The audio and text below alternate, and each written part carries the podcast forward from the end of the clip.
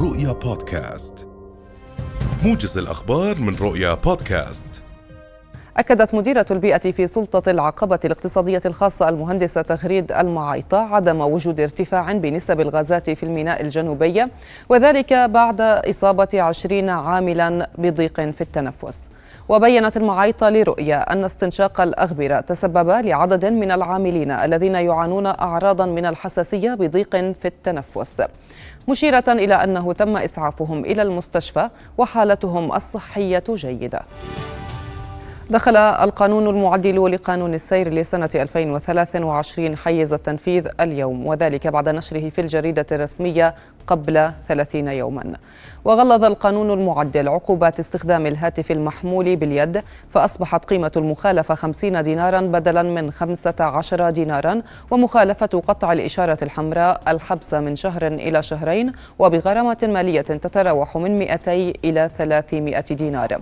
وفي حال التكرار خلال العام تتضاعف العقوبة. كما شدد القانون عقوبة القيادة بسرعة إذ أصبحت مخالفة القيادة بسرعة عالية لأكثر من 50 كيلومترا عن السرعة المقررة بالحبس من شهر إلى ثلاثة أشهر وبغرامة مالية مقدارها 100 دينار مع مضاعفة الغرامة إذا تكررت المخالفة خلال العام. ارتفعت حصيلة ضحايا الفيضانات التي اجتاحت مدنا ومناطق ليبيا إلى ثلاثة ألاف قتيل على الأقل بحسب وزير الصحة الليبي في الحكومة المكلفة من البرلمان عثمان عبد الجليل. وقال عبد الجليل في تصريحات صحفية أن عدد المفقودين يقدر بالآلاف متوقعا أن يصل عدد المفقودين إلى نحو مئة ألف شخص. وأوضح أن الأوضاع في مدينة درنا تزداد مأساوية ولا توجد إحصائيات نهائية لأعداد الضحايا. هذا وأدى انهيار سدين جنوب مدينة درنا إلى اجتياح الفيضانات شوارع المدينة حيث أعلن الجيش الوطني الليبي أن السيول جرفت أحياء بأكملها. ارتفعت حصيلة قتلى الزلزال المدمر الذي ضرب أجزاء من المغرب إلى 2862 قتيلا. فيما بلغ عدد الجرحى 2562 شخصا. يتزامن ذلك مع تواصل عمليات البحث عن ناجين. حيث يسابق رجال الإنقاذ المغاربة الزمن بدعم من فرق أجنبية في المناطق التي ضربها الزلزال للعثور على ناجين وتقديم المساعدة للمشردين الذين دمرت منازلهم.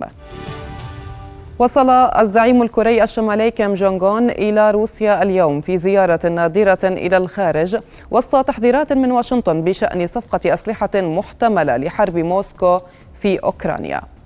وسيلتقي كيم بوتين في أقصى الشرق الروسي هذا الأسبوع. حسب ما نقلت وكالة ريا نوفوسيتي عن المتحدث باسم الكرملين ديمتري بيسكوف.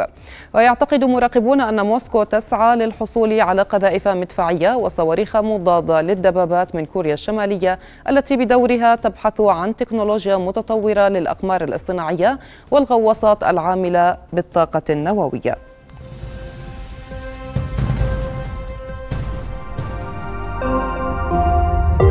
رؤيا بودكاست.